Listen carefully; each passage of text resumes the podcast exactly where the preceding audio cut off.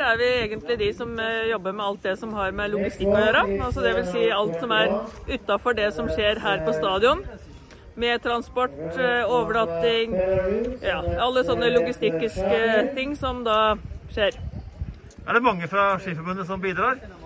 Ja, det er mange som bidrar, litt på forskjellige måter. Altså Her er det både de som bidrar på mediebiten, de som bidrar på transportbiten, de som bidrar på å holde hotellet i gang mens eh, noen andre er ute på tur. Så veldig mye bra hjelp.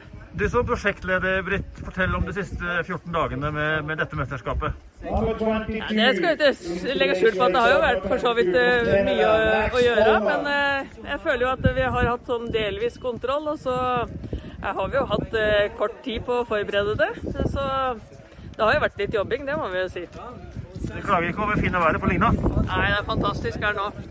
Veldig bra. Så lenge utøvere har det bra, så lenge trenere har det bra, så er jeg fornøyd.